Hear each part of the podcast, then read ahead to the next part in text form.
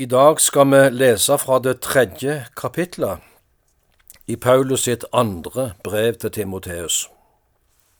Fra sin fengselscelle i Roma tenker Paulus nå på Timoteus og den tjenesten han har i Efesus.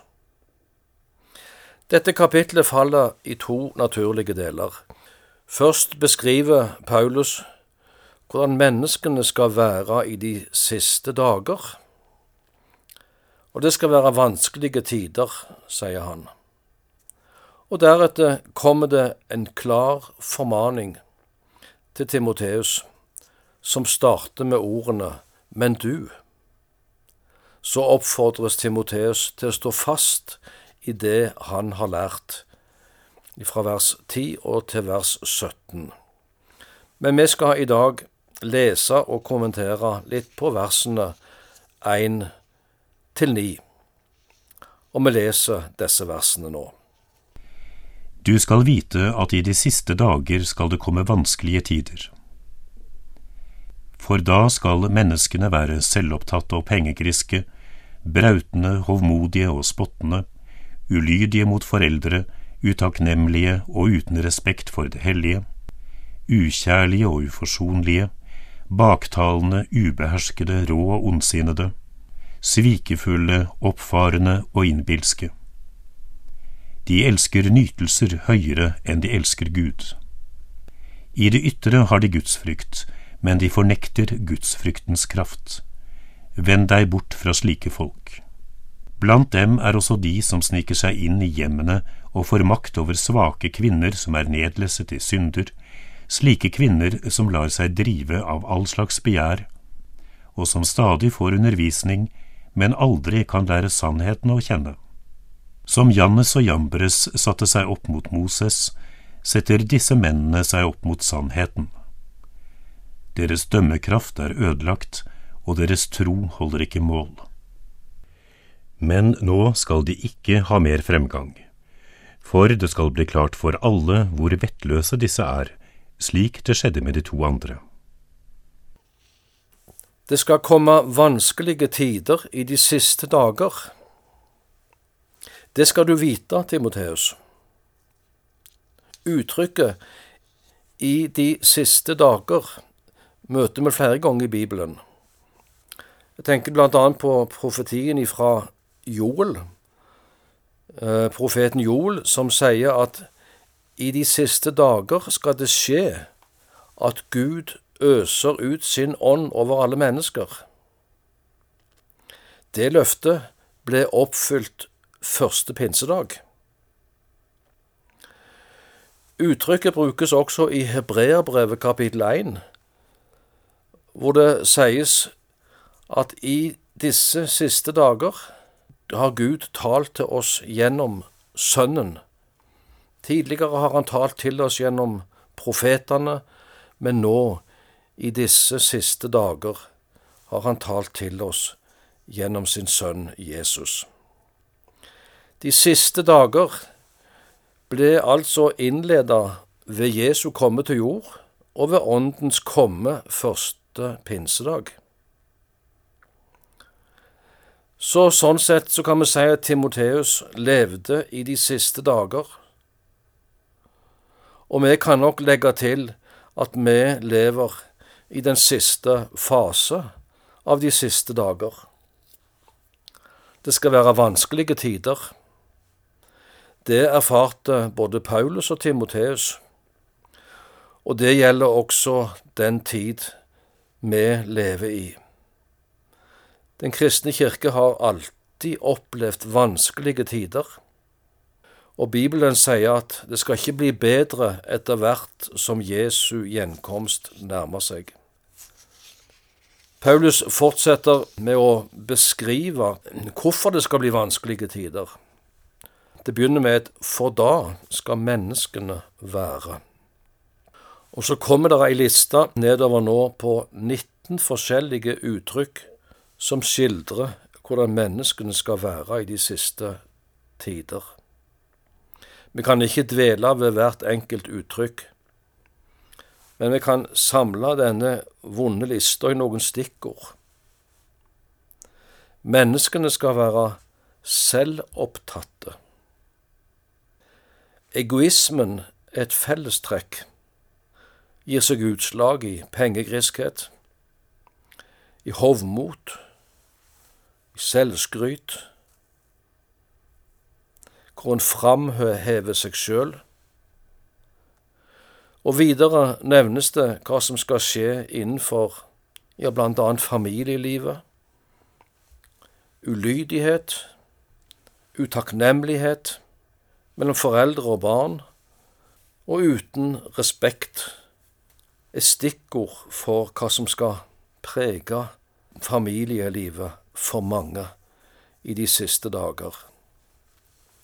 Og så i vers fem kommer det et alvorlig varsko.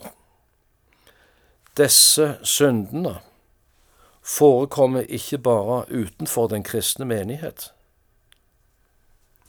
Det står om at menneskene i det ytre så har de gudsfrykt, men de fornekter gudsfryktens kraft.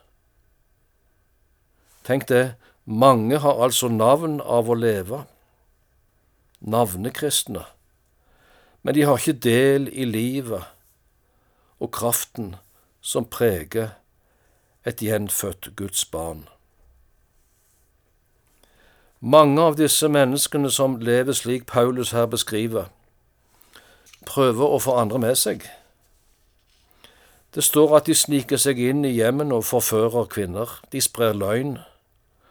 Deres dømmekraft er ødelagt. Deres tro holder ikke mål, står det. Og Paulus nevner to navn for å illustrere dette. Noen som satte seg opp imot Moses. Jannes og Jambres kalles de. Vi finner ikke disse navnene i Det gamle testamentet, men ifølge jødisk tradisjon uh, var dette to av faraos trollmenn.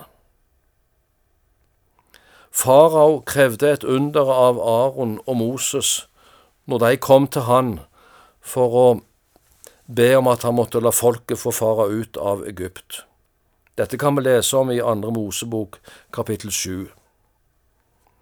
Og som et tegn så kasta Aron staven sin foran farao, og staven ble til en slange. Så kalte farao på sine trollmenn.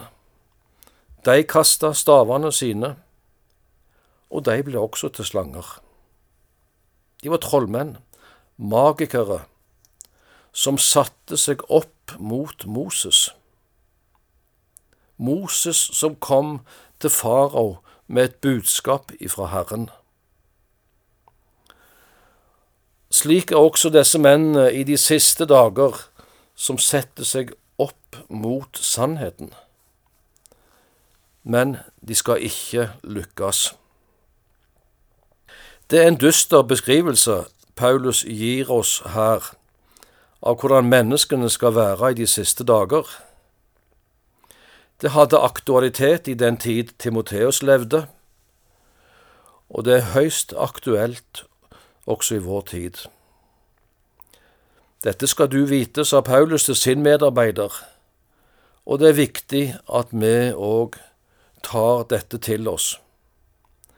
Det mest skremmende er at dette finnes også innen den synlige bekjennende kristne kirke.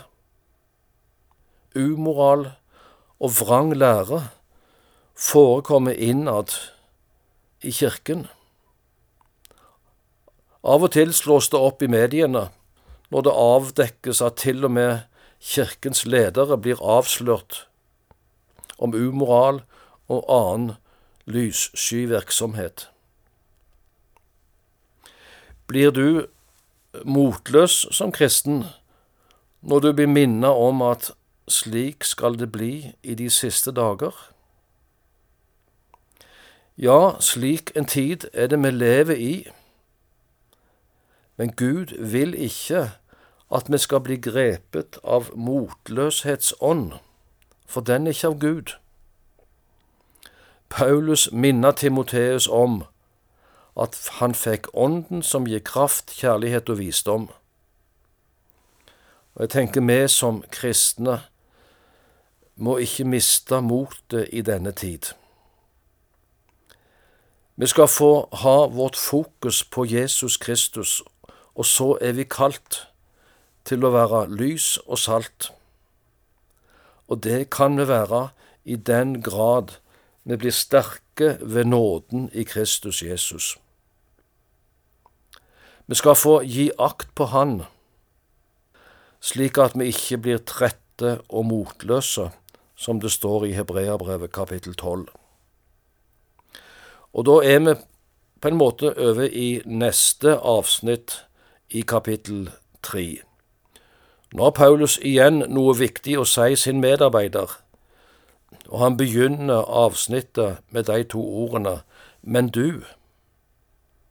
Timoteus, nå skal du høre hva du skal legge vekt på i din tjeneste, i en tid som er vanskelig, slik jeg nettopp har beskrevet for deg. Det skal vi se mer på i neste program. Gud velsigne din hverdag videre.